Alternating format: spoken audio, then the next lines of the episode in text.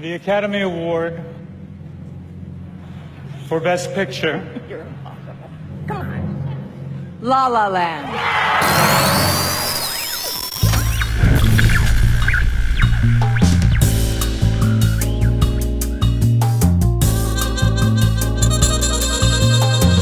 De Zeepkast. Opgenomen dinsdag 28 februari 2017.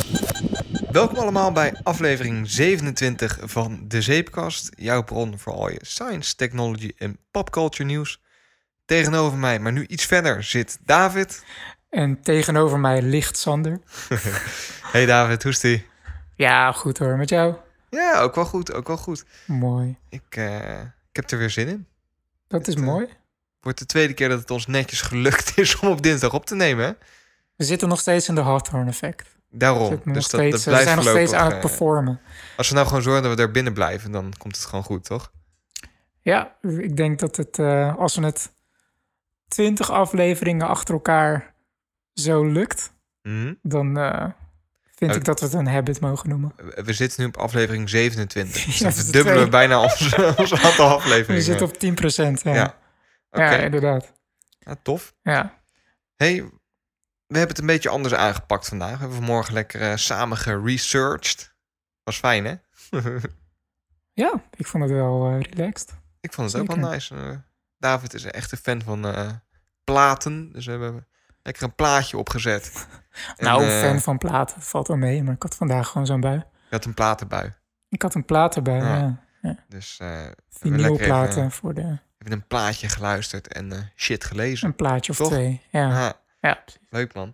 hey, ehm, wat ik vorige keer ook eh, aangaf, is dat ik het leuk vind om even terug te komen op alle feedback die we gehad hebben. Mhm. En ik dacht aan de naam hashtag factcheck of hashtag alternative facts. Eén ik van vind de het twee. wel allebei wel mooi. Ehm, dus om even terug te komen op vorige aflevering. Hadden een mailtje gehad van, eh, van Jasper over eh, mijn betoog voor Twitterific. Mhm. Eigenlijk eh, John Siracusa's betoog voor Twitterific. Ja, En, nou ja, Jasper gaf aan dat hij zelf groot fan is van TweetDeck, sinds kort. ja. Dus op zijn aanraden heb ik dat ook een tijdje gebruikt. En ik deel zijn enthousiasme wel daarin. Ik vind dat wel een, een prettige Twitter-client. En wat is daar dan zo prettig, prettig aan ten opzichte van de standard Twitter-app of Eh, Twitter? hij is wat meer customizable in termen van je kunt verschillende lists maken. Dus gewoon Mhm. eigen, ehm, eh, eigen overzichten van tweets die jij interessant vindt. Dus je kan een list maken voor, eh, nou ja, als, als, als eh, wij gementiond worden, heb ik een list van. ik heb een Mhm. list die zoekt op alle gebeurtenissen met de hashtag ehm, van, hoe heet ze, die gasten? ehm nou, ben ik het helemaal kwijt. Die gasten die naar space gaan, die nog in het nieuws waren. eh, niet NASA, maar SpaceX. SpaceX. Ja, Ja. dank je. SpaceX. En die gasten die, Die naar gasten space die gaan. naar space gaan. SpaceX, ja. Dus daar heb ik een list van. ehm, met ook alle, alle hashtags SpaceX. Eh, en zo kun je eigenlijk zelf verschillende list, lijsten maken Hmm. die je naast elkaar zet. En Dus het is voor de echte nieuwsjunkie die Ja, gewoon in- wil multitasken. in, in en één blik heb je tegelijk. een overzicht. Ja, dat, dat, dat is op zich wel... Dus is zeker een fijne app. Eh, Hij moet alleen, of app, het is geen app. Het is, een, eh, het- is opgekocht door Twitter onlangs. En het draait in je browser. ja. Maar, maar de- eh, Twitter die, die heeft het gewoon gekocht. Ja. En, maar die laat het gewoon nog steeds zijn eigen bestaan leiden. Eh, schijnbaar. Ik heb me er niet heel erg in verdiept. Ik heb het even Mhm. ge- gebruikt. En Mhm. ik gebruik het nog steeds. En ik vind het wel prettig. Oké, Dus dat was cool. hashtag factcheck 1. ja. Ik voel een trend aankomen. Je had ook een hashtag factcheck 2, geloof ik. We hadden nog een, een, een berichtje gekregen. Even kijken. Ja, dat was eigenlijk best wel vet over eh, ehm, de definitie van planeten.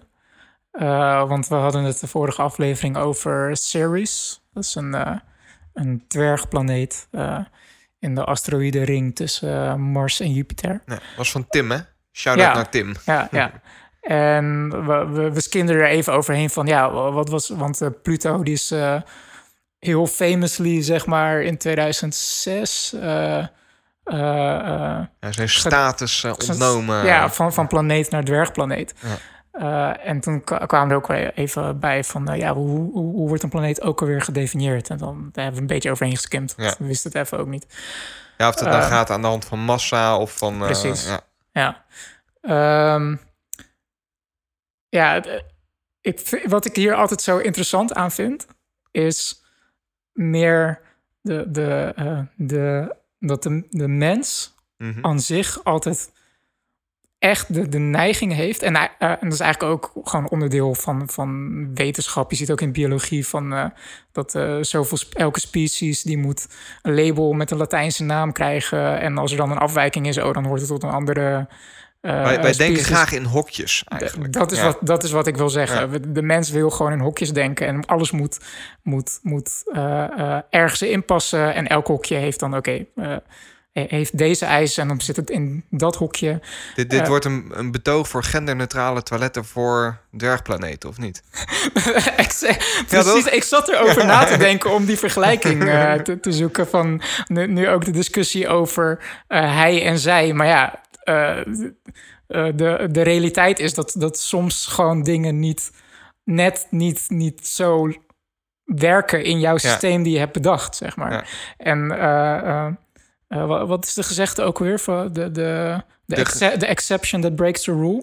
Dus je hebt de, dus de uitzondering... op de regel. ja, De uitzondering de uitzondering, dat, dat zal je altijd hebben. Het zal 99 keer werken, jouw systeem. Van, als we het nu over, over geslacht hebben, van nou, hij zei simpel. Maar dan er was pas eh, was er nog een, eh, een Volkskrant-interview geweest met Elle Bandita. Ja, nou, ze heeft nu een programma ook- op ja, binnen. Ik ja, kijk ja. dat altijd. Oh, Geslacht. heb je dat gezien? Ja, is heel, dat? heel tof programma. Lekker Oké. Rotterdams ook. Ja, precies. Ik, vind, ik ben wel fan van haar. Ja. Maar dat, dat is dus het ding. Want zij is dus naar buiten gekomen met dat ze... hoe, wordt, hoe wordt dat ook weer genoemd? ja, als, als hermafrodiet, hermafrodiet is is dus- geboren. Dus dat ze gewoon echt, gewoon genetically gewoon eigenlijk niet, niet een hij of een Niet zij is. maar dat, dat bij, is, ja. bij geboorte gewoon gekozen is om, om dat eh, Ja. eh, een kant op te sturen. Eh, maar dat, dat, geeft dan aan, er is altijd een gray area. En het, is, gewoon zo vet om te zien dat ook onder wetenschappers onder elkaar... dat ze gewoon regels proberen te verzinnen om dingen te categoriseren. Mhm. Maar dat het dan altijd... Ja, maar ja, dan, dan valt deze buiten de boot. Maar als Want die regel... hoe, hoe wordt een, een, een planeet dan gecategoriseerd? Of, of kom je daar nog naar? eh, Daar, daar ga ik nu naartoe. Want in 2006 eh, eh, heeft de International Astronomical Union... die hebben dus daar nieuwe regels voor bedacht. En dat, dat was de reden de waarom... IAU dan of Ja, zo? ja, IAU. Ja. Die hebben dus door die nieuwe regels viel Pluto dus buiten de boot. ja. En dat is enerzijds, het moet een baan rond de zon hebben. Ja. Eh, het moet zwaar genoeg zijn. Dus daar komt de massa bij kijken. Mhm.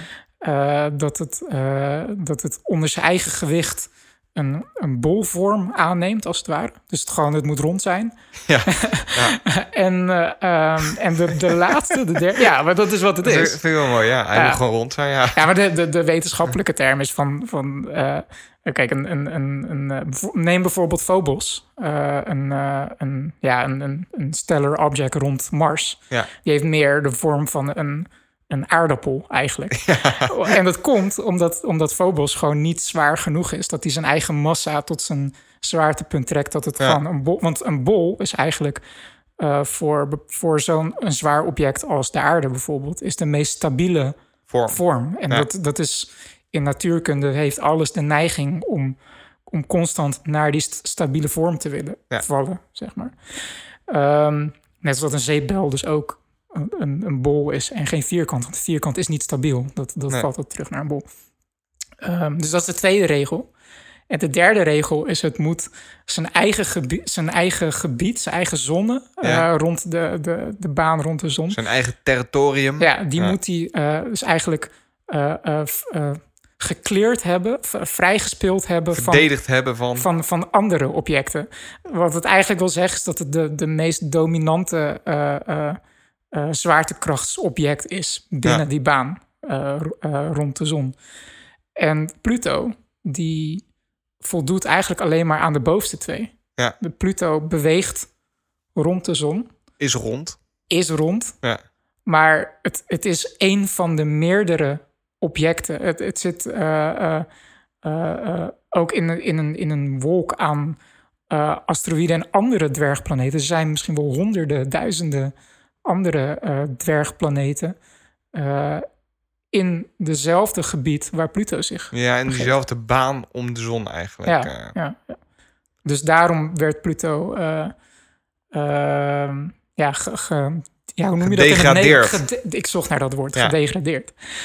Ehm, en wat super grappig is, want ehm, eh, toen ehm, New Horizons eh, eh, naar Pluto werd Ja. gestuurd, de satelliet die famously foto's heeft gemaakt. Ja. De we meest, de meest scherpe, over gemaakt fo- ja, ook. de meest scherpe foto's van Pluto heeft gemaakt.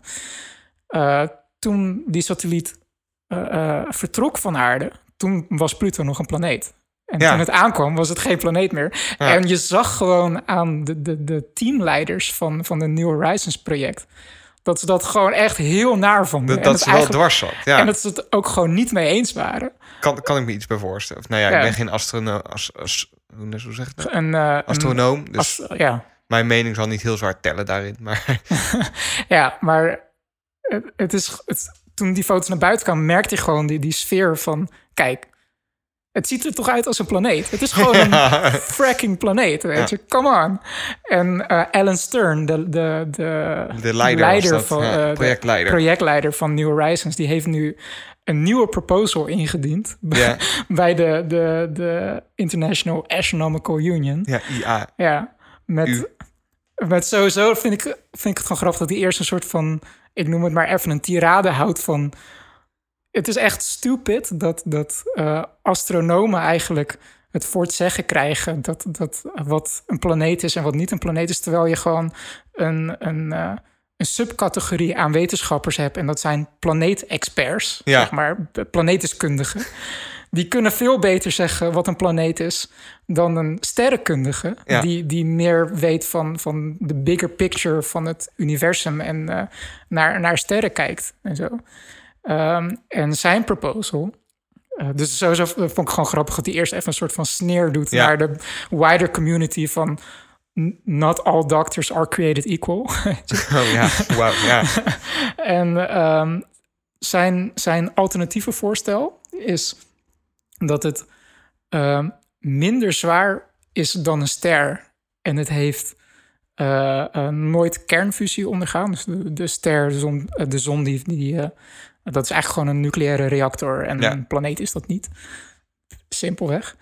En als tweede Je hoeft punt... geen baan meer eh, om de zon te hebben, hè, geloof ik. Nee, nee, nee.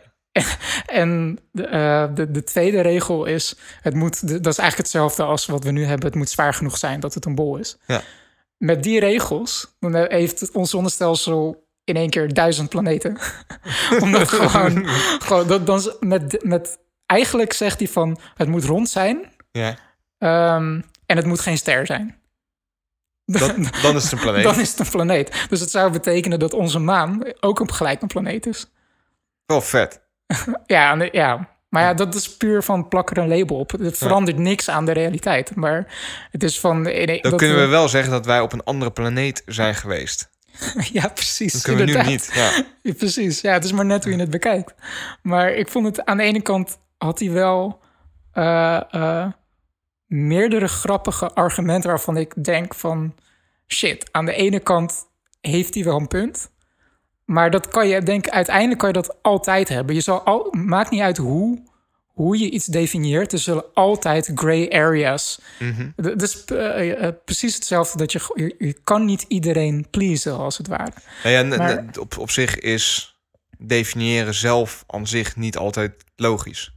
Nee, Niet alles is definieerbaar. En Nee. ja, nou wat je zegt, je gaat altijd voorbij aan, eh, aan een grijze categorie. exact. Ja, maar, Maar leuk zijn- artikel dan.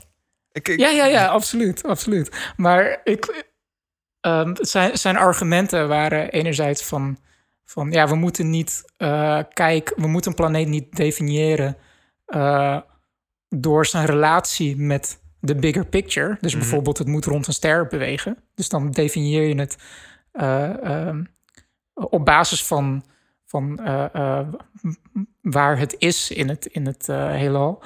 En wat extra grappig is aan de huidige definitie is... het is niet zozeer rond een ster, maar rond de zon specifiek. Ja. Onze, onze zon. Dus dan zijn er niet zoveel planeten. Met de huidige regels Ja. zijn er maar acht planeten in het hele universum. Ja, is niet zoveel. Want al het andere wordt eigenlijk wordt als exoplaneet gedefinieerd. En dat is dus niet dezelfde definitie als een planeet. Zeg maar. Over exoplaneten gesproken. Ja. Hè? We gelijk even doorpakken. nou ja, la- laten we even, want we Ja. zitten nu nog eh, zeg maar tussen de, de, de hashtag factcheck Ja. en de, de main body van onze Ja, podcast. ik wil er in. nog, ik wil nog misschien dan één ding over zeggen. Want de, de, ehm, eigenlijk de reden waarom de, de, eh, de regels zijn aangepast in 2006... is het is onder andere opgesteld door eh, mensen die bij de Hayden Planetarium eh, werken. Ja. Dat is in New York, als ik me niet vergis.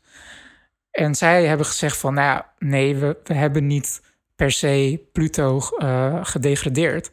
Maar we hebben gewoon ons zonnestelsel hebben we in duidelijkere subhokjes geplaatst. Pluto is niet, eh, is, heeft nu heel veel broertjes en zusjes erbij gekregen. Er zijn heel veel dwergplaneten, dus het is gewoon een subklasse, dwergplaneet. En Neil deGrasse Tyson, die de, de director is van de hele Planetarium, die zegt zelfs van eigenlijk ehm, de, de, de, de, de eerste vier planeten, Mercurius, Venus, eh, de Aarde en eh, Mars, die, die lijken totaal niet op bijvoorbeeld Jupiter en Neptunus. En, die zijn eh, veel groter, hè? die zijn veel groter. Het, is een, het zijn gasreuzen.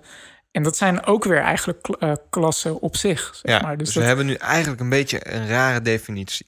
als, als, als we op Jupiter zouden wonen, als het ware, als, als, als wij als intelligent species van Jupiter zouden komen, zou je, zou je eigenlijk naar de aarde kijken en denken van, pff, wat is dat voor, Ja, dat voor is echt steentje die, die heel eh, klein rond de zon. Ja. Dus het, het is maar net hoe je het bekijkt, weet je. Dus dat is gewoon, dat vond ik er leuk aan. Ja.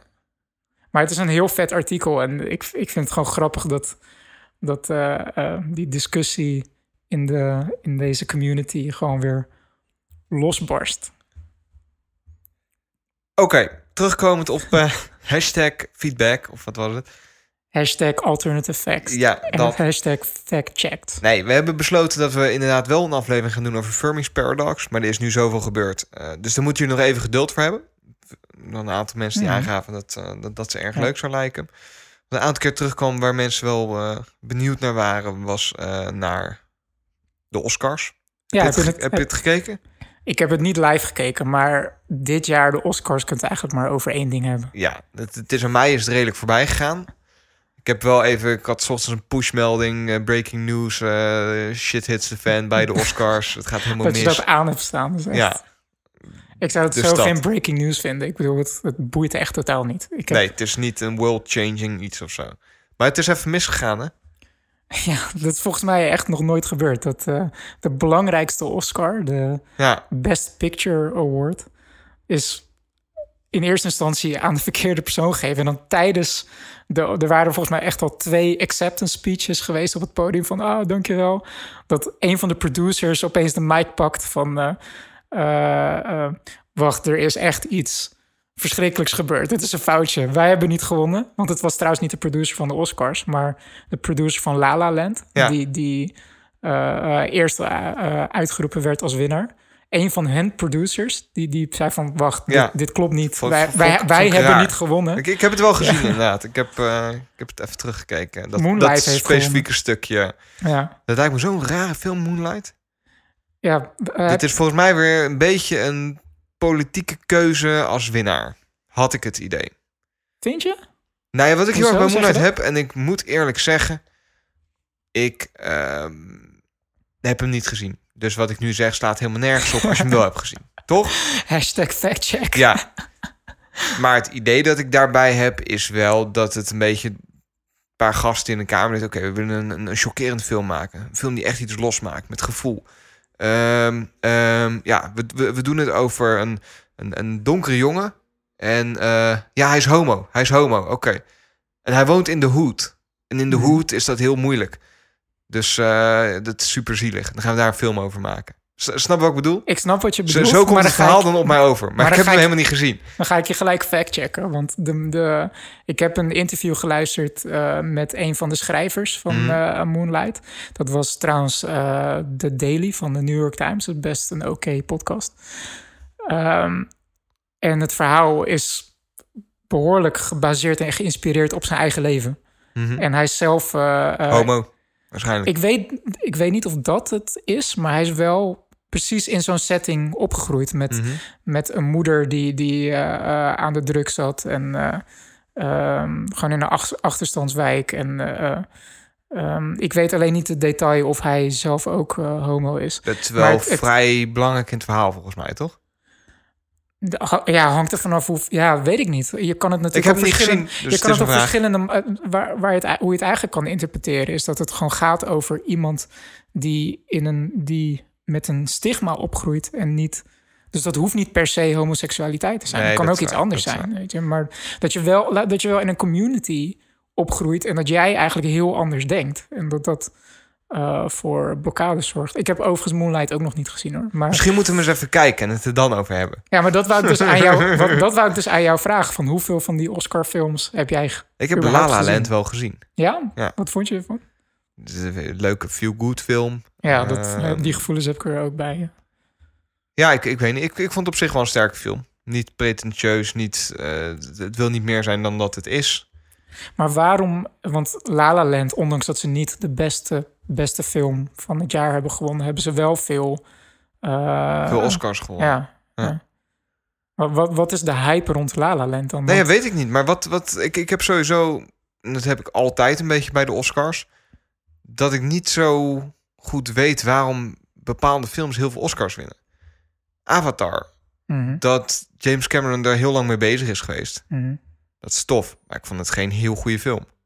Maar dit is dus precies de reden waarom ik moeite heb met. Titanic vond ik een leuk film, maar niet een Ja. heel goede film. Niet Ja. zeg maar de beste film ever met de meeste Oscars. Ja. Maar dit is precies de reden waarom ik moeite heb met awardshows. Van hoe definieer je de, de kwaliteit? Ja, het is, het, Ja. Er, wordt, er wordt gestemd door, door een... eh, Voor mij persoonlijk, als ik dan eh, kijk naar uh, Intouchable of zo, dat Mhm. vond ik een veel betere film. Ja, maar dat, dat is dus mijn punt. Maar hoe definieer het je voor- beter? Het is Ja. voor jou beter. En hoe definieer je beter? Ja, dat snap ik. Precies.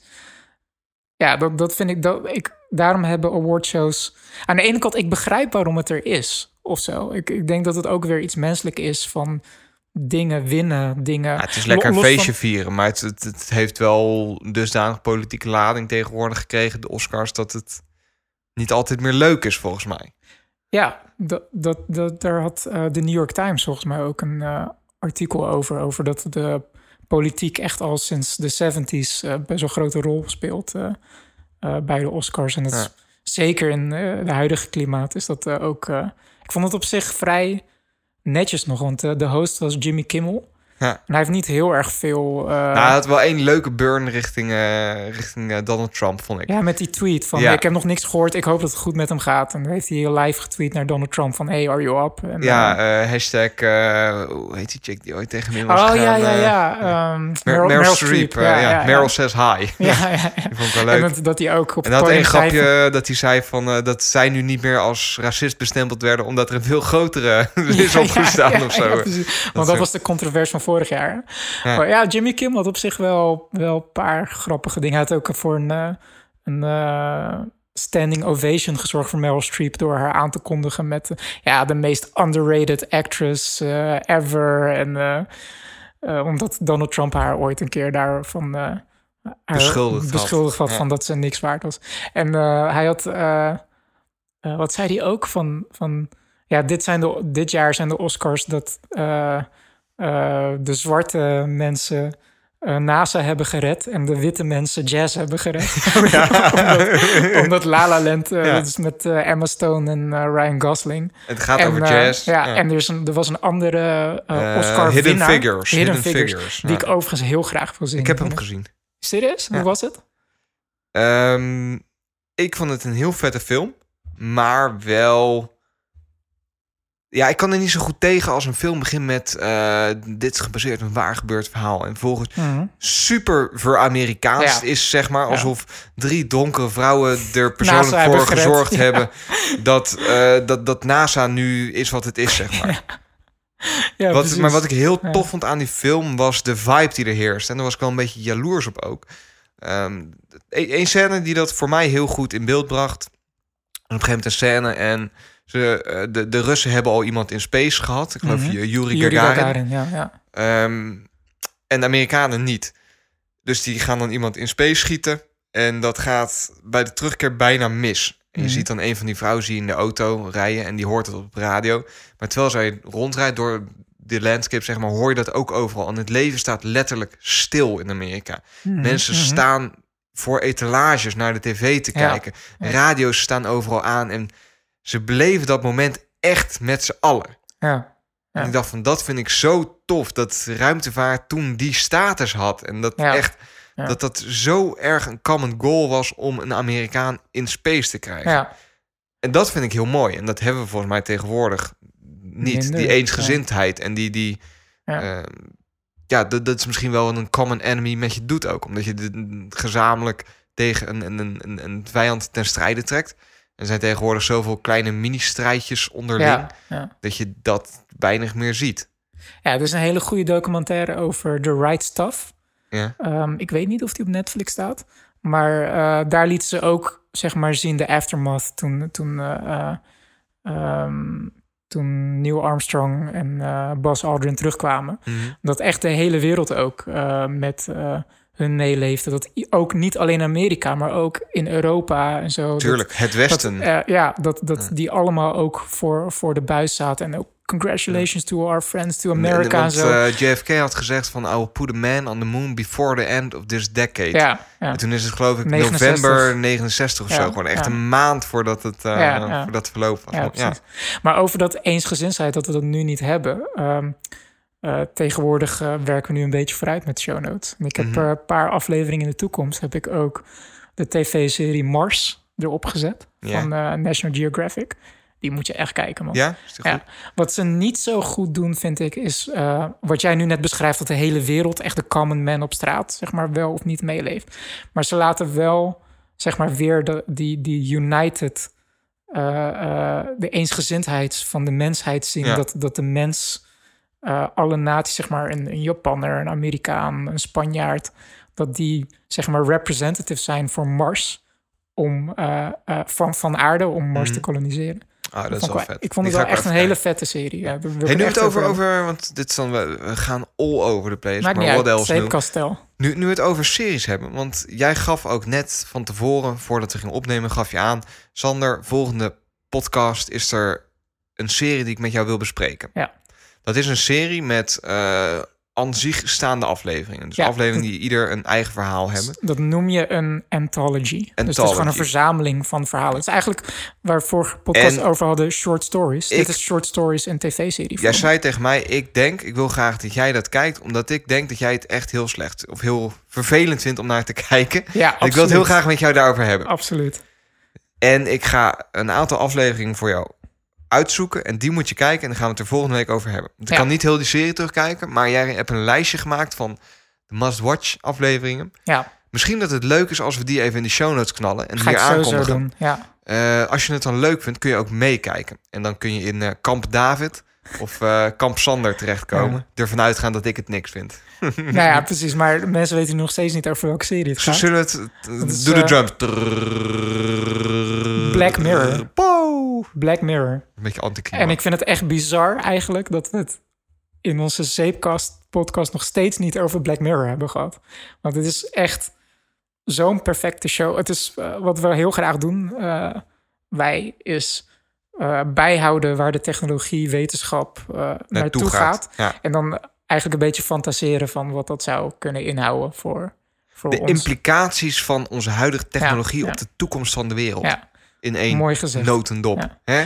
Ja, en eh, ik denk dat wij ook allebei vrij, daar vrij positief in zijn. Dat we best wel een optimistische blik hebben op de toekomst. Van, Wij zijn geen doemdenkers. nee, van eigenlijk, joh, die, die Robot Lords eh, takeover Daar, apocalypse. daar, daar wil ik zo ook nog even, even op inhaken. Die, die goed. positiviteit. Ja, en, ja. Want ik heb weer een item, jongen. Daar word je zo gelukkig en blij van. Daar Mooi, gaan we het zo over hebben. Super mooi, verzinnen. Ja. Gaat lekker dit.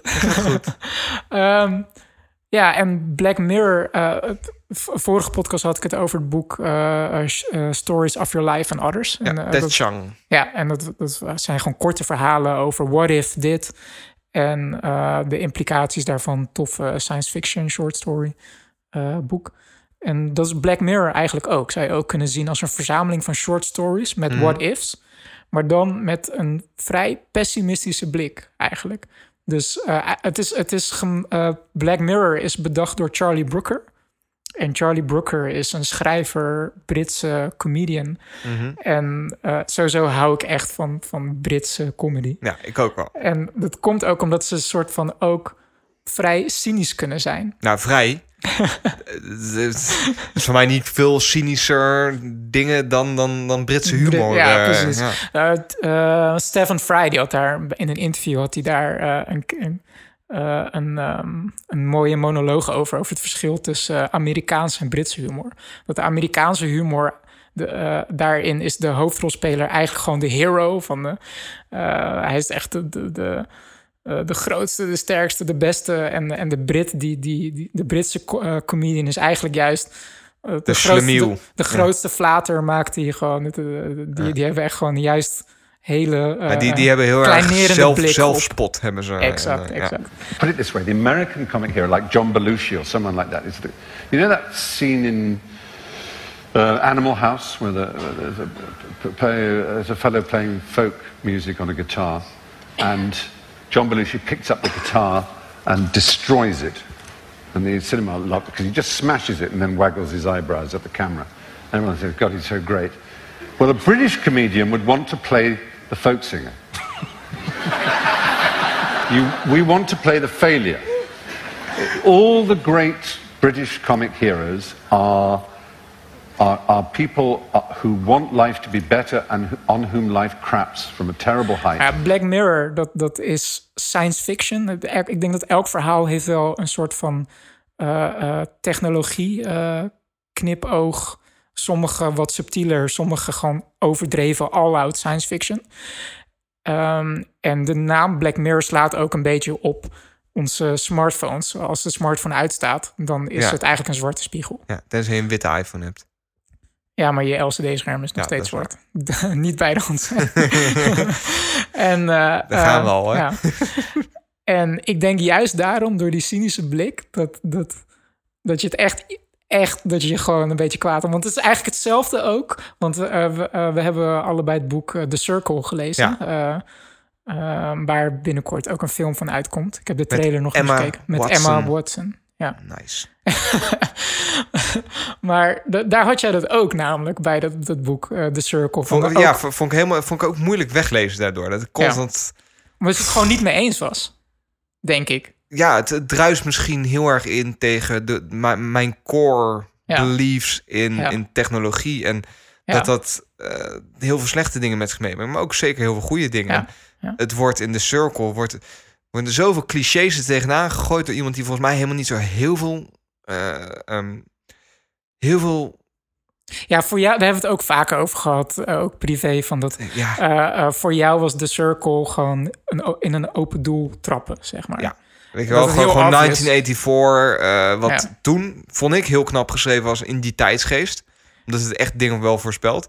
Is Ja, de Circle dus nu mijn- eigenlijk alle Ja. huidige...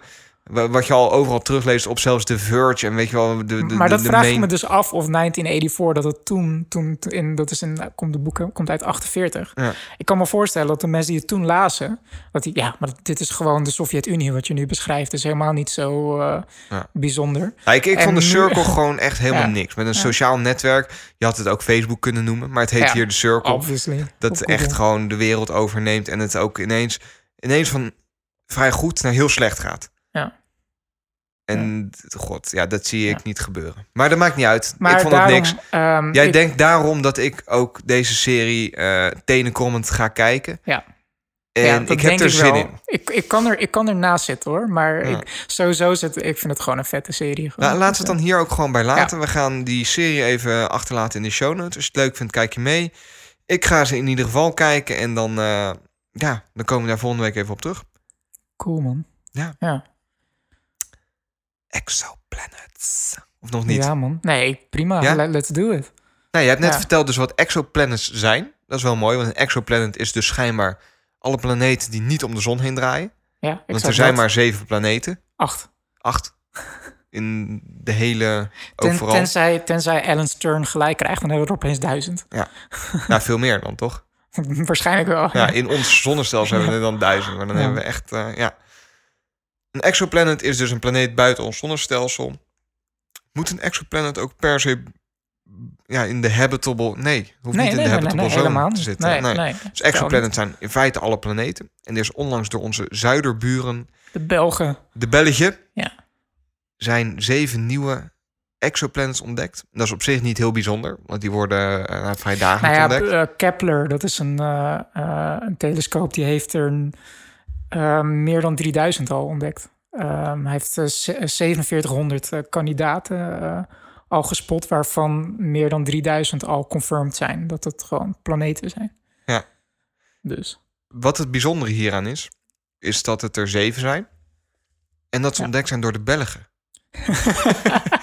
nee hoor. Ja, daar stond ik ook wel eigenlijk Ja. van te kijken van nee. Nee, dat, ze, dat het er zeven zijn en dat ze in de zogeheten habitable zone van een ster zitten. Niet alle zeven. Niet alle zeven, maar een aantal. Drie. Drie zitten in de zogeheten Goldilocks zone. En die moeten we even toelichten. Dus je hebt een ster en binnen een bepaalde afstand daarvan is op papier leven mogelijk. Mm, ik zou het, ik zou het sma- eh, eh, Kleiner smaller, maken, Ja, ja. Eh, in principe, de Goldilocks zone is de afstand van de ster dat het de temperatuur eigenlijk dusdanig is dat vloeibaar water op het oppervlakte Kan bestaan. mogelijk is. Ja. Eh, puur op basis alleen van eh, Temperatuur. van temperatuur. Want er Ja. zijn genoeg andere redenen waarom Factoren. eh, wa- ja. wa- waardoor alsnog binnen die Goldilocks zone geen water is. Ehm, dus ja, maar dat, dat er dan vloei... Zover wij weten, is vloeibaar water een van de vereisten... Om de- leef- leven mogelijk te maken. Dus dat is de reden waarom dat, dat soort planeten... die, die in de, de juiste temperatuurzone zitten van een ster... dat vloeibaar water mogelijk is... dat dat de, de grootste kans is dat Ja. we daar ook En ze liggen vrij dicht bij aarde. Dat is ook leuk. Relatief gezien, ja, 40, 40 lichtjaar. Dus dat, 39. eh, hè? is twee keer knipperen en je bent er.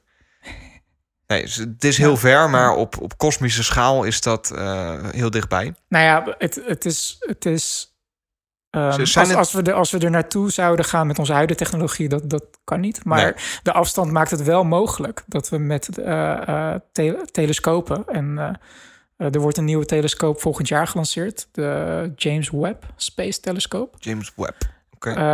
En de, plan- de ster en de planeten die zijn dusdanig dichtbij dat het relatief makkelijk wordt voor die telescoop om te kijken hoe die atmosferen van die planeten eruit zien. En of ze überhaupt atmosferen hebben. Ja, want, moet je even, want kritiek. tegenwoordig zijn ze heel erg bezig met het schieten van het telescoop in de lucht. Hè? Dat, er wordt niet meer vanuit, vanaf aarde gekeken, maar jij zegt Nou, er dat- wordt, ge- wordt gelanceerd en dat houdt in dat hij eh, niet vanaf aarde gaat kijken, toch? Dat klopt. De, Ja. eh, nou ja, de, de, de, de meest bekende, eh, ik bedoel, dat is niet nieuw dat het gebeurt, eh, de Hubble-telescoop. Ja. Ik weet niet hoe lang, maar dat is al een vrij oude telescoop. Maar die, die ja, dat klopt. Dan wordt, er- wordt er eigenlijk vanaf een satelliet buiten onze atmosfeer Wordt er gekeken. wordt er gekeken. Overigens zijn de, de, de planeten rond Trappist 1 Zo heet hij. zo heet de ster. Die zijn eerst ontdekt door eh grondtelescopen. Serieus? Ja. Oh, dat wist ik niet. Ja. Eh, de Belgen... De, dat Hebben geen... Nee, dat is van een, een, eh, een Belgische universiteit. Die, die, die gebruiken een, een telescoop. Hebben ze daar universiteit? Ja. Ik, ik blijf gewoon Eerst, gaan eerst hoor. verliezen we de, de Amsterdamse luisteraar. Nu verliezen we de Belgische luisteraar. Oh, niemand meer over. Wordt gewoon een hardcore Rotterdamse Nee, hoor. Ehm, maar dat is wel leuk, want eh, de, het- ze gebruiken dus een grondtelescoop in Chili. En die, die telescoop heet Trappist.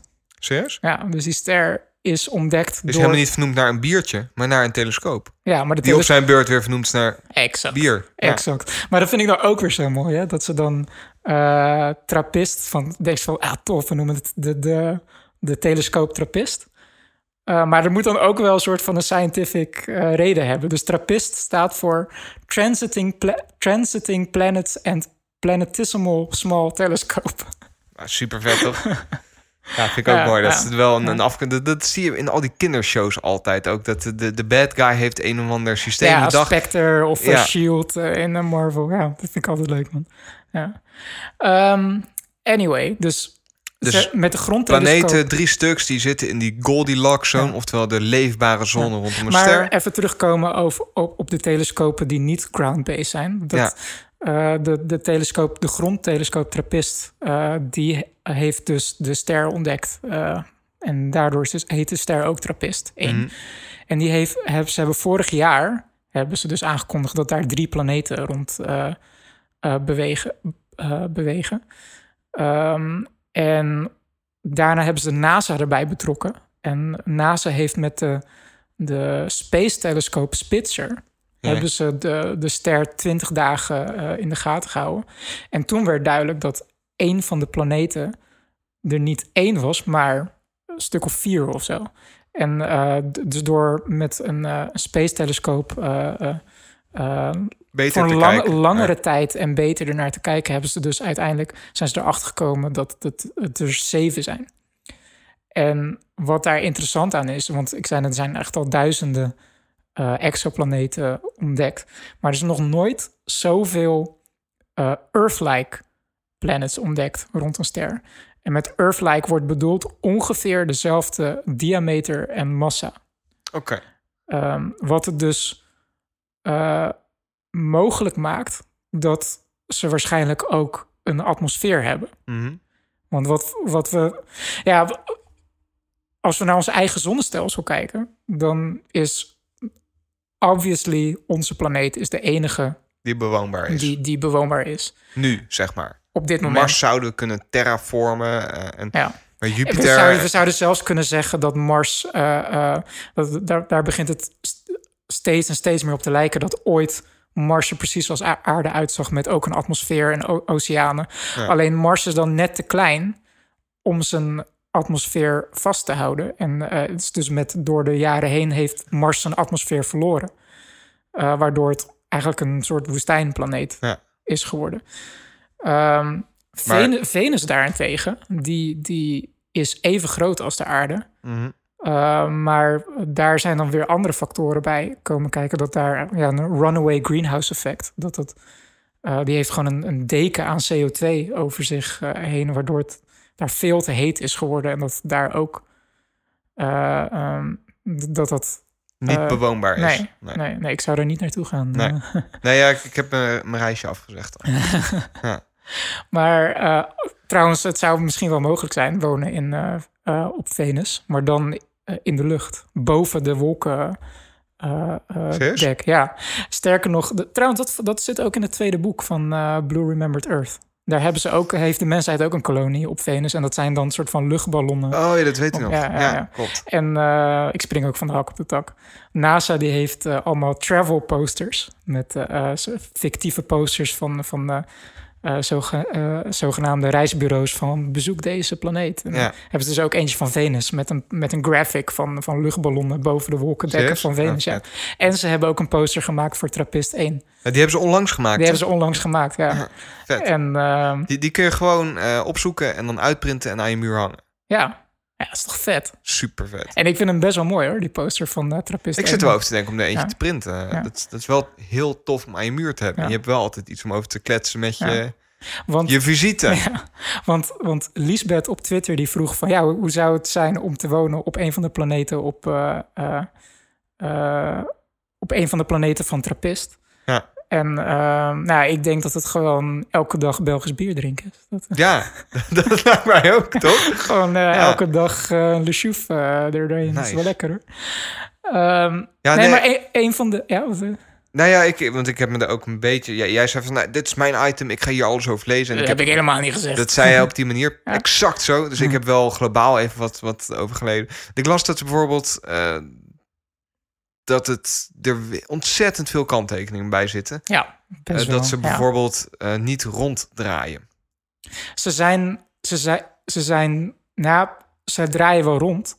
Maar, maar op dezelfde een... ze zijn in een uh, gravity lock. Tidal lock. Uh, tidal dat is hetzelfde ja. wat de maan heeft met de aarde. Ja. En uh, dus ze draaien even snel rond als dat ze rond de ster draaien. Waardoor altijd dezelfde kant van, van de planeet richting de ster beweegt. Dus je hebt geen, geen dag- en nachtcyclus. Dus aan de ene kant van de planeet is het altijd dag. Heel, En aan andere- ja, en aan de andere kant... Ja, dat hoeft dus dan ook weer niet. Want dat is... eh, eh, eh, een van de researchers van de, van de Belgische Universiteit heeft gezegd van...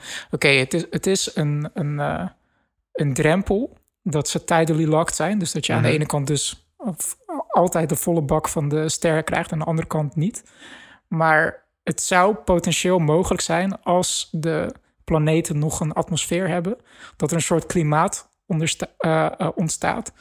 die toch de hitte verdeelt over de planeet. Ja, oké. Dus dat de hitte die aan de, als het ware, lichtkant van de planeet eh, gegenereerd ja. wordt, dat die door klimaat. Dat Toch gevangen zit de- binnen de atmosfeer en Ja. daardoor verdeeld wordt over, de planeet. exact. Dus dat is ook weer een mogelijkheid. Maar het maakt het wel lastiger om te confirmen dat het eh, eh, mogelijk is. En ik denk dat, het, dat de grootste eh, kanttekening is of de planeten nog een atmosfeer hebben.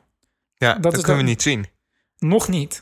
Dat gaan, we, dat gaan we binnen tien jaar weten we dat. eh, Ah, op basis van de, de nieuwe telescoop die volgend jaar de lucht in gaat. En, eh, ehm, want wat ik er best wel ook interessant aan vond, is er is een nieuwe trend ontstaan binnen de, de, de science community.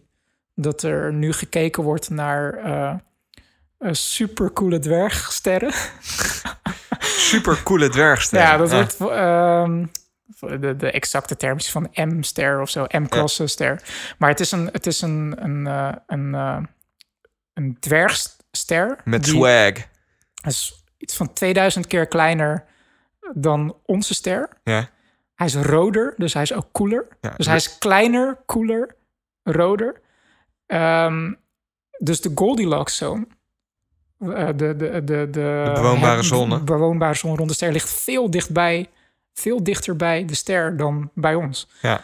Dus al die planeten. En dat is de reden waarom ze weten dat. dat eh, eh, de- waarom, waarom ze het, de kans hoog inschatten dat de planeten tidally locked zijn met de ster. Ja. Dus omdat ze zo dichtbij elkaar zitten en dichtbij de ster. Dus de zwaartekracht van de ster heeft dusdanig invloed op de planeten. dat ze gevangen zijn, als het ware, erin.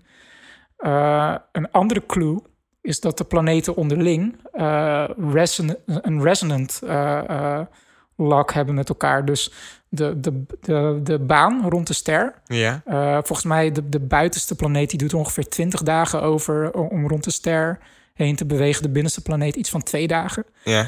Eh, die hebben een bepaalde verhouding met elkaar, een bepaalde ratio. Omdat ze eh, allemaal met elkaar, elkaar zwaartekracht beïnvloeden. Voelen. Ja, ja, ja, ervaren. Dus, we, dus ze hebben allemaal invloed op elkaar hoe snel ze rond de ster bewegen. Ehm, dat is een aanwijzing dat de planeten waarschijnlijk in het vroege stadium van het ontstaan van dit, dat stelsel, dat ze veel verder van de ster zijn ontstaan en later door Gevangen zwaartekracht zijn, zijn, gevangen ja. door de ster en dichterbij zijn gaan komen zitten. Dat is relevant omdat een dwergster die is zeker eh, in, de, in, het, in het vroege stadium is, is ontzettend actief. En die stuurt heel veel eh, Straling. straling naar ja. buiten. Wat potentieel een Dodelijk atmosfeer is, toch? ook en een atmosfeer weg kan blazen, als het ware. Dus als de planeten tijdens het vormen van de ster ook dicht bij de ster zijn ontstaan, dan is de kans heel groot dat ze allemaal geen atmosfeer hebben. Ja. Maar dat is dus niet het geval. Waarschijnlijk, Begrijp ik uit jouw verhaal. waarschijnlijk niet. Dus daarom hebben ze eh, hoge hoop, als het ware. ik, dat ik, ze alsnog ik blijf dat atmosfeer even, hebben. Even, even een stapje terug. Ik blijf dat zo bizar vinden dat we op een dusdanig punt in, eh, in, in, in, in, geschiedenis zijn waarmee we met science en techniek dit soort dingen kunnen bedenken. Of Ja. hoogstwaarschijnlijk bepalen. Dat we sterren kunnen zien die hier zo ontzettend ver vandaan Ja. zitten. Dat we daar uitspraken over kunnen doen. Ja. Over hoe zij miljoenen jaren geleden ooit gevormd zijn. Ja. En hoe ze er waarschijnlijk... Dat, dat is mind-blowing. Ja. Dat is toch bizar? Dat, dat is, maar dat is wat. Ik, ik wil er even, even bij stilstaan dan. Hè? Dat ik echt denk van wauw jongens. Dit is echt, dit is zo tof. Absoluut, maar dat is wat wetenschap cool maakt voor mij, in mijn optiek. Omdat dat. eh, omdat het werkt. In principe. Omdat je, It just omdat, works, omdat, ja. je, omdat je er theorieën mee kan formuleren. Waarmee je dus Wetenschap is eigenlijk een soort Apple. ja, precies. Ja. Maar dat je dus gewoon, gewoon eigenlijk dingen kan zeggen over de toekomst. Die dan uitkomen. Ja. Zeg maar. Dus het is, het is niet eh, natte vingerwerk per se. En dat, dat wil dan niet zeggen, dat vind ik altijd een belangrijk. Dat wil niet zeggen dat het altijd waar is.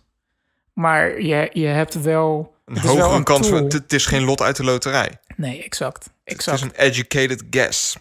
Dat heb je mooi gezegd. Ja, toch? Ja, dat mooi gezegd. Vind ik heel vet. Ja, maar de- wat, wat, wat zo vet is aan dat systeem. Ja. En daar, daar kan ik, dat vind ik denk En ik het het trappist 1 systeem. Ja, dat vind ik gewoon het allercoolste daaraan. Is dat het eigenlijk een ons zonnestelsel is, maar dan super compact. En, en het, eh, ik, ik kwam een graphic tegen die, die, over, die deed een overlay van, van eh de trappist-systeem op het Jupiter-systeem. Want een paar afleveringen terug had ik het erover dat de satelliet Juno naar Jupiter, bij Jupiter is aangekomen. ja. En dat op zijn weg richting Jupiter, dat hij met een camera Even, een filmpje ja. heeft gemaakt. En dat je dus al die, die manen van Jupiter ro- rond Jupiter zag bewegen.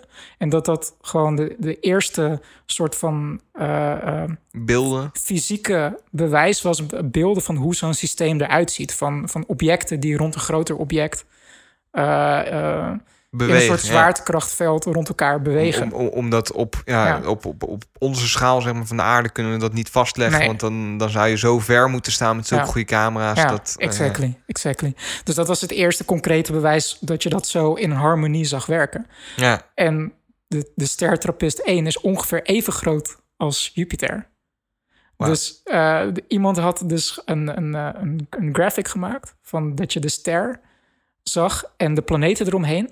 Ja. En ook waar de manen van Jupiter zitten. Dus eh, natuurlijk zitten de planeten weer een stuk verder van de, van de ster vandaan dan de manen van Jupiter Ja. rond Jupiter. Maar het scheelt niet zoveel. Weet je, en ehm, het, het is zo compact allemaal. Ehm, Het is eigenlijk een heel lief, schattig klein systeempje. ja, de, de Waar kleine, we mogelijk zouden kunnen wonen. de kleine koele dwerg. Ja. De, de kans dat ze nog een, eh, een, een atmosfeer hebben vrij groot is. Eh, en ze liggen in die habitable zone.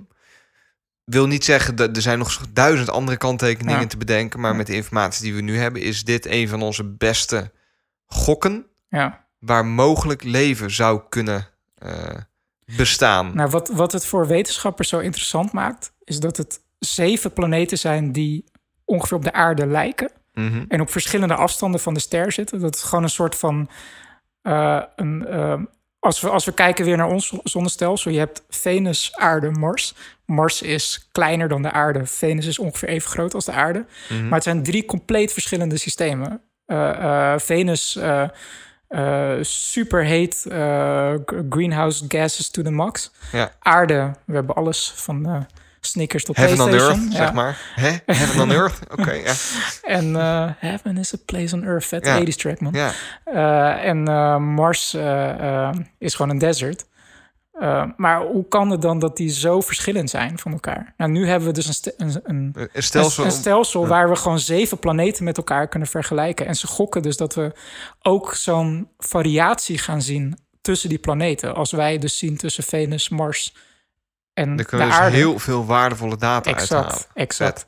En ja, hoe vet zou het zijn om daar gewoon op de oppervlakte te kunnen staan. En je ziet dan altijd in, in, eh, in de distance een andere planeet... Ja.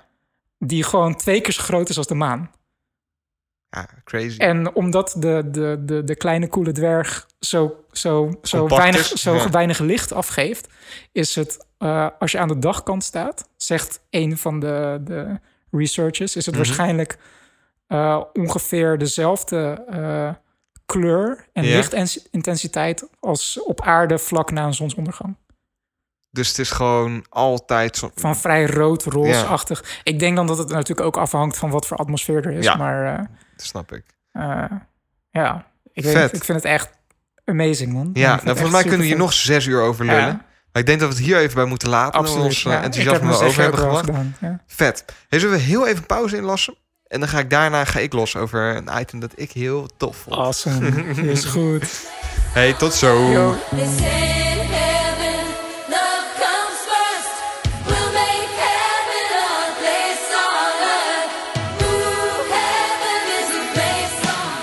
Zo, dat was een fijne pauze, of niet? Ja hoor. Ja hoor. Mooi man. Ja, wat moet ik erover zeggen? Ja, weet ik niet of het een fijne pauze was en dat was zo, toch? Nee, ik vond het helemaal ruk. Een rukpa- Nou, heb jij gedaan die een pauze dan? nee. Slecht dit, jongen.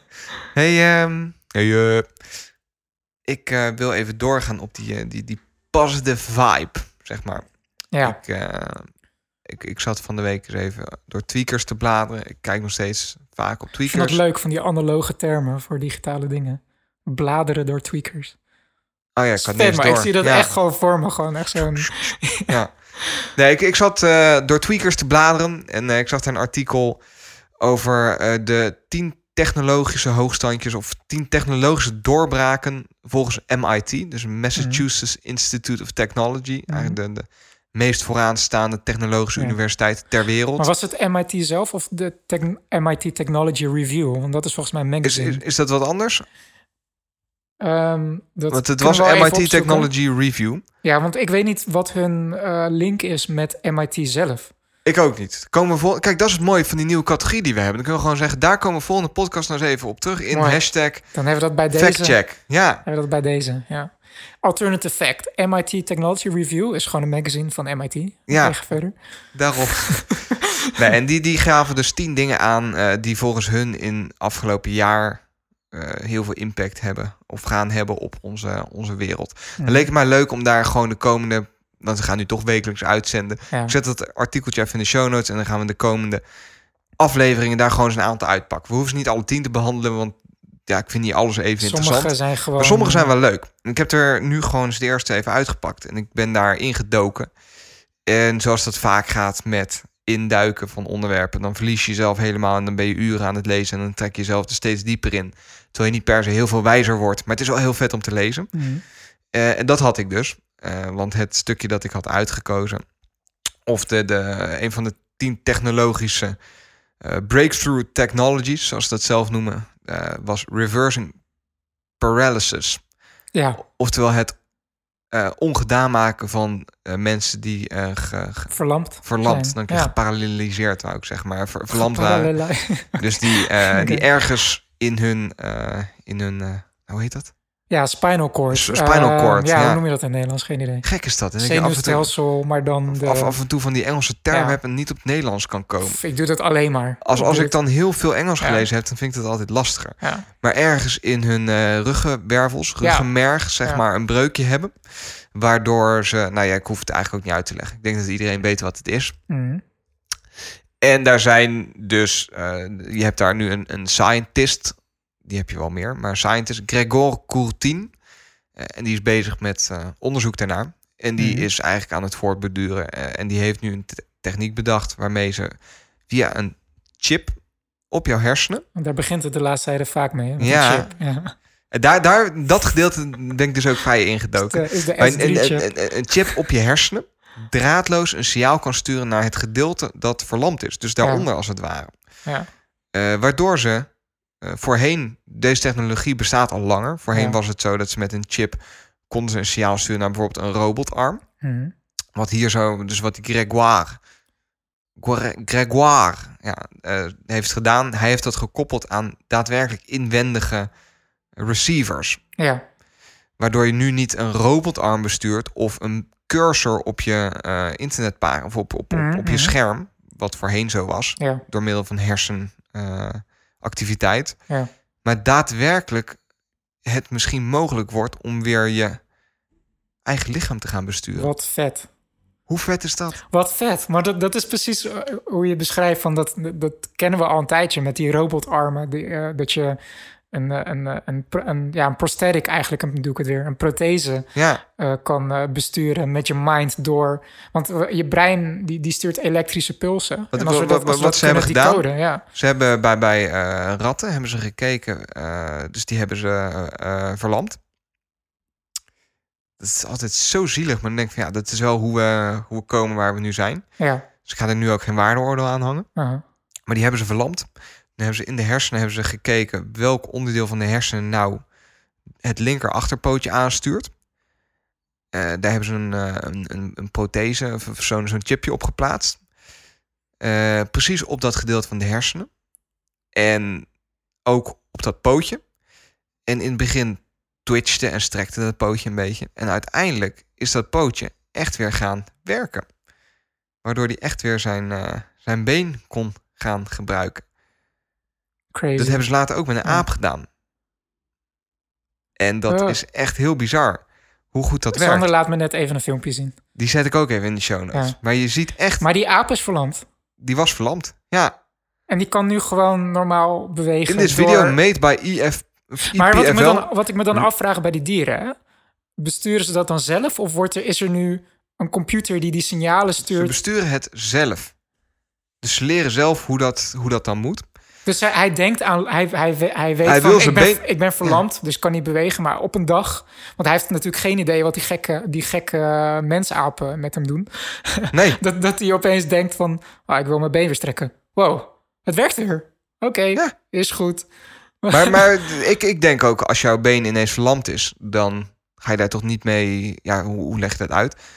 En hij doet het ineens weer, dan ga je toch niet de rest van je leven slijten met het idee van ja, mijn been werkt toch niet, dus ik ga het niet eens proberen. En op een gegeven Nee, moment dat- merk je toch vanzelf ja. dat, het, dat het weer werkt. Maar dat is ook gewoon ook sowieso een, eh, een, eh, een bestaand fenomeen, hè? De phantom limb. Eh fantoom, eh eh, Fantoompijn, ja. ja, dus dat je, nou niet eens pijn, maar dat je gewoon als je bijvoorbeeld, dat, dat hoor je heel vaak bij bijvoorbeeld mensen die een, een arm zijn kwijtgeraakt in een oorlogsgebied. Dat die gewoon nog steeds de sensatie hebben dat daar, niet eens dat het daar pijn doet, maar dat ze gewoon Dat ze even willen dat krabben. her- of ja, dat, dat, eh, ze- ja. dat de hersenen denken dat daar gewoon nog een ledemaat Ja. zit. En dat ze dat ook gewoon be- willen bewegen en naar, naar een mok willen grijpen. Maar, maar ik, ik, ik wil er nog wat dieper in gaan. Want er stond daar dus ook een verwijzing naar de, de, de, de MIT. Ze doen dat schijnbaar jaarlijks. eh, uit 2013. Ja, En dat was vet. Daarin was een, eh, een artikel over, over een, een vooruitblik over eh, een, een neuroscientist. Eh, Dus iemand die ook inderdaad met de Mhm. hersenen aan de, aan de Neuroloog, slag ja. gaat. Theodor Berger, Berger, Theodor Berger. En wat hij deed, hij deed onderzoek naar hoe wij long-term memory, dus lange termijn geheugen, hoe dat nou werkt ja. bij de mens. Met als insteek daarvoor eh, het herstellen van het lange termijn geheugen. Of insteek, dat is uiteindelijk waar, waar de resultaten in geboekt moeten worden. Dat heeft dus iets te maken ook met eh, het tegengaan van dementie en zo? Exact, Waarschijnlijk wel. exact. Ja, dementie, ja. eh, eh, PTSS, dus van, van, van, van mensen. ja. Allemaal van dat soort ziektes waarbij het lange termijn geheugen niet meer goed werkt. Afsterft, ja. Ik ga het proberen uit te leggen. Ik ben geen neuroscientist, maar dit is wat ik als leek na het lezen van heel veel dingen erover ervan snap. Ja. Je hebt in je hersenen heb je een gedeelte en dat heet, eh, moet ik het goed uitspreken? Ik heb de Wikipedia-pagina nog openstaan. De hypo, Hippocampus. hippocampus. Ja. Ja, het is eigenlijk helemaal niet zo. Hippocampus die Dat is vernoemd- je, je geheugen en je Ja. brein. eh, je, je dromen komen En waarschijnlijk ook dat, uit dat is vernoemd ja. naar de vorm die het heeft, want het lijkt op een, Op een, nijlpaard, op- op- ja, nee, op een zeepaardje. Of een zeepaard. Ja, niet een nelpaard. Dan zou je een heel grote, Nee, grote maar- hippocampus Nee, maar de, vo- de vorm betekent toch niet meteen dat het dezelfde... eh, het, kan toch, het kan toch lijken op iets, maar een andere Ja, verhouding ja. hebben. Ja, dat klopt. Bij dat gedeelte. en Dus wat, je wil zeggen dat de hippocampus dus wat ik heel tof vind eraan, en ik, ik, eh, het is heel erg benaderd als zijnde dat jouw hersenen een grote computer zijn. Wat ze in feite ook zijn. Dus hij heeft gezegd van, eh, oké, je hebt in die hippocampus, die is verantwoordelijk voor de doorvoer richting je lange termijn geheugen. Dus er komen prikkels komen binnen in jouw neuronen. Die Mhm. leggen een bepaalde, bepaald pad af langs verschillende neuronen, die hem verschillende ladingen geeft. En dat is ook geen eh, lineair pad. Eh, dus het is niet gewoon een kwestie van doorgeven, maar er worden ook wijzigingen aangebracht Mhm. tijdens het aanmaken van zo'n lange termijn geheugen. Ja, Wat hij gedaan heeft, hij heeft gezegd: als ik dat dus als computer zie, dan is er een input en er is een output. En daartussenin gebeurt iets. Dat is iets, dat kan ik wiskundig benaderen wat daar binnen gebeurt. Mhm. En dat heeft hij gedaan. Dus hij heeft gekeken van oké, wat is nou de formule die daar binnen gebeurt en kan ik die op een computer laden? Kan ik een chip over laten nemen? Of een, een wat, wat een, eigenlijk een wat de simulatie... hippocampus doet bij het aanmaken van lange termijn geheugen. Eigenlijk een model maken, een simulatie van wat die regionen van het brein Ja, doet. input-output. Ja, ja. Dus eh, input, er gaat iets in, er gebeurt iets mee en er is output. En wat gebeurt daartussen? Dat klinkt Ja. heel makkelijk, dat is heel moeilijk. wat, eh, wat, wat, wat denk je ervan? Zou dat lukken?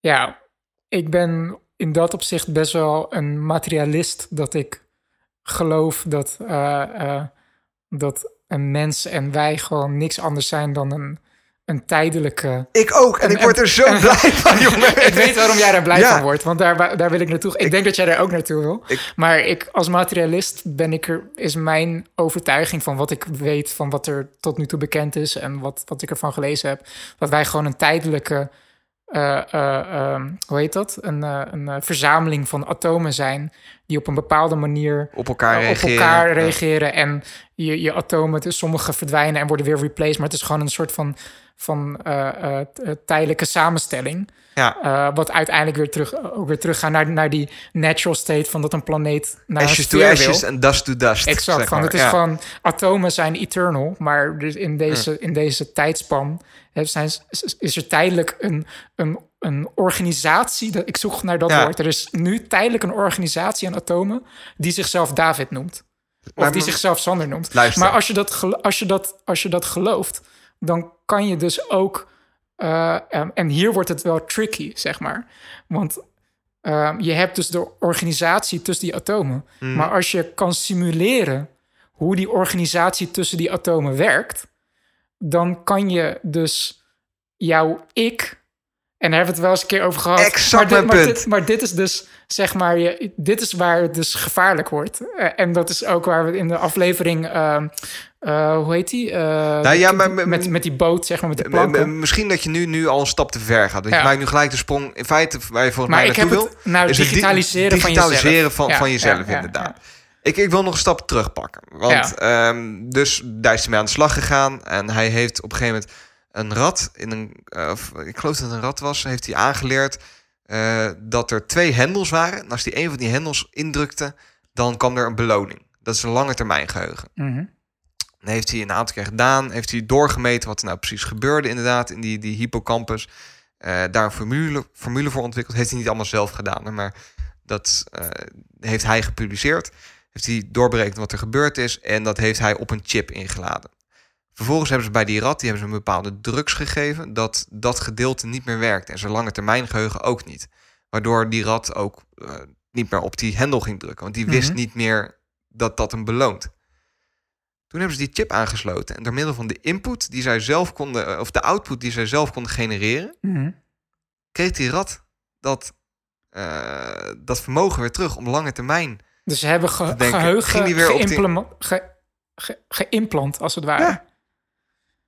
Ja, dat, kijk, dat vind ik, dat, dat, dat heeft zoveel implicaties, eh, dat, dat, zeg maar. dat- Dat- nou, dat, eh, toen ik dat las, toen, pff, dat is, dat mijn is, mind, dat zeg maar. is in principe gewoon weer dat de, de, de, de Matrix eigenlijk met... eh, ja, ik moet nu weten hoe, Dat is hoe een Apache... waar ik hoe, aan hoe een- dacht. Hoe een Apache zoveel werkt. Ik moet nu motor kunnen rijden. Ja, Van klik, klik. Je, je, je download als het ware die, die organisatiestructure tussen atomen.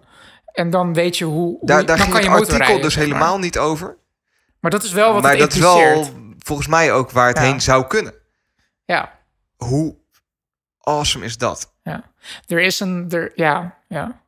En ik vind dat, ja, ik, ik, ik vind dat heel tof. Ik, En ik word daar heel gelukkig van. ja. En ik denk dat we dit onderwerp... Dit is de eerste stap richting eh, heel oud worden, volgens mij. Ja, Als we onze hersenen, die, die agen. Dus jonge kinderen leren beter. ja. Dat is omdat jonge hersenen meer op kunnen nemen. Op het moment dat wij exact weten hoe die hersenen nou werken, waar dit volgens mij een stap in is. Dit is volgens mij ergens bewijs van het feit dat hersenen niks, eh, ook, ook computer-like dingen zijn. Mhm. Je hebt een input, je hebt een Het output, is een er structuur gebeurt aan wiskundig iets. connecties. Er Ja. gebeurt wiskundig iets en dat we kunnen Ja. berekenen wat dat dan is en we kunnen die output simuleren. Dat is een heel, heel eerste kleine stapje. Betekent wel, als we zo doorgaan, waar staan we dan over tien jaar? Kunnen we hersenen namaken? Kunnen we, I don't know, kunnen we, Ja. kunnen we mensen altijd jong houden dat ze veel sneller leren, veel meer kunnen leren? Wat, wat, waar gaat dit heen, David? Oh, ik kan Ja. niet wachten. Over tien jaar, waar Ja. staan we? Ja, nou ja, ik ben verlamd en ik kan weer lopen. Ik, eh, ik, ik, ik heb... eh, ik, ik, ik krijg Parkinson. Of Nee, niet Park. Hoe heet het? Dem- ja, dementie. Dementie. Ja. En ik kan Ja. weer... Nou, Alzhe- Parkinson, Alz- Alzheimer's. Parkinson de- gaan we ook oplossen. Ik weet het Alzheimer, zeker. Ja. Dit is echt...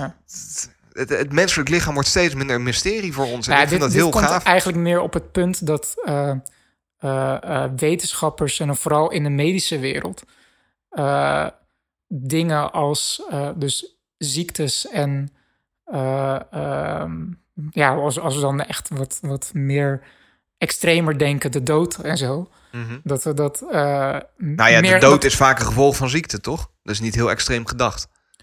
Ja, goed, nu komen we op het terrein van definities en zo. Ja. Maar eh, het, is, het wordt straks... eh, die, die, die dingen worden meer gezien als een technisch probleem.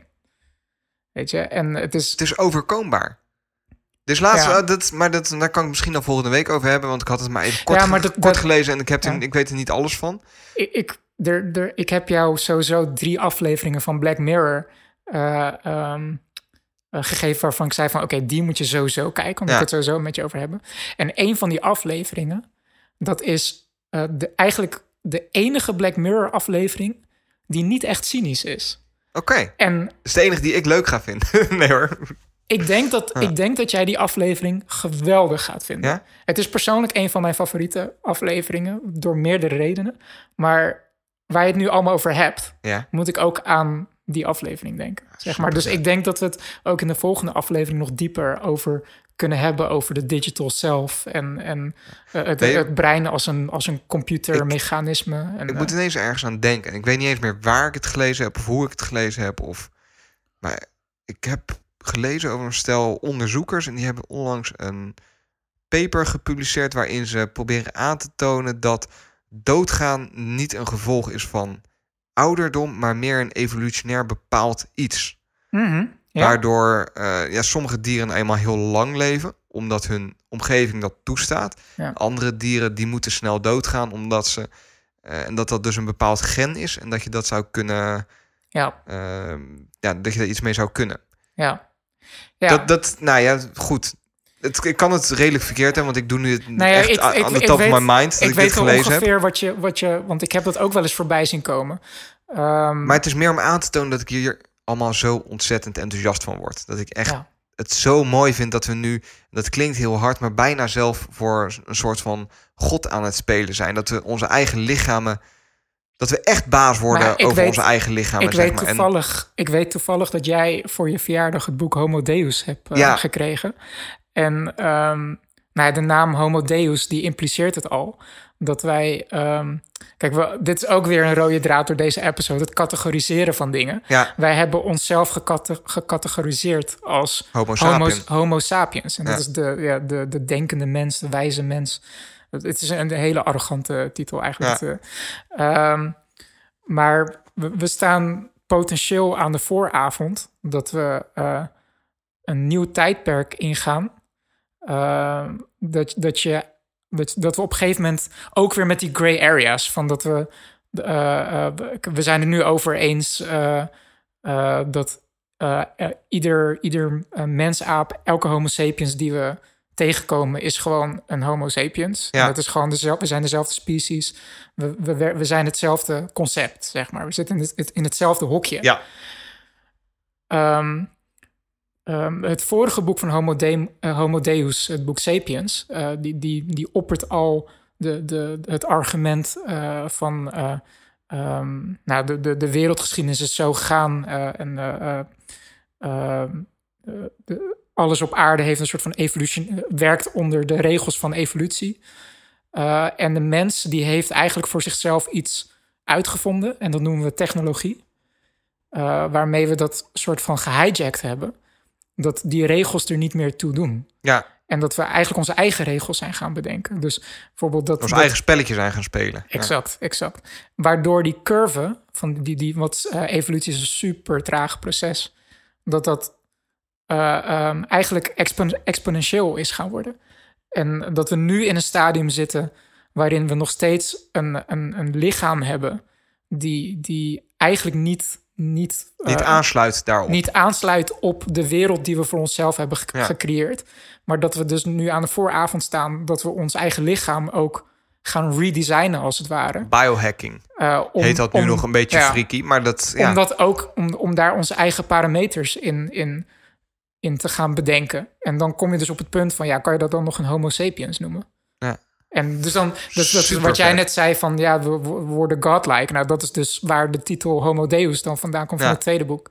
Ja, ik, ik is, word er eh, heel, heel ja. gelukkig van allemaal. En ik vind dat super vet. En dit is ook, eh, en daarom vind ik dit nu een heel leuke aflevering ook, denk ik. Ik denk dat dit weer een van mijn favoriete positieve- afleveringen eh, wordt. Nice, ja. Ehm, omdat dit is waar ik zo enthousiast van word Ja. in tech. En dit wil ik zo graag overbrengen ook aan mensen. Die dingen als inderdaad trappist. En Ja, eh, ja. Nu, nu wat weer meer met lichamen kunnen. En daar word ik heel gelukkig van. Ik En denk dat we dit door gaan pakken in de volgende aflevering. Denk ik ook, Zeker als, je, ehm, als, je, als die aflevering voorbij komt van Black Mirror, snap je gelijk wat ik bedoel. Maar, gaan we eh, doen. Zullen we hem gewoon hierbij laten? Want ik denk dat we nu is weer lang aan genoeg, een- denk op, op, op een bepaalde high zitten. En daar moeten we hem lekker bij laten. Vind ik ook, man. Heb je nog eh, iets dat je kwijt wil? Wil je ons bereiken? Je kunt ons vinden via Facebook. Je kunt ons vinden via Twitter. We zijn een keer actiever op Twitter. eh, we- reageren wat meer. Dus als je dingen kwijt wil, laat het ons even weten. Dat vinden we altijd heel leuk om te horen. Eh, we komen er ook op terug in onze nieuwe rubriek hashtag eh, factcheck. Hashtag alternative facts. Even to be decided, zeg Ja. maar. Ehm, David, dankjewel weer. Ik Jij het ook een, bedankt, Sander. Ik een vond het erg leuke aflevering. Ja. En we hopen je volgende week weer te mogen verwelkomen als luisteraar. Lieve luisteraars, live long and prosper. Ciao.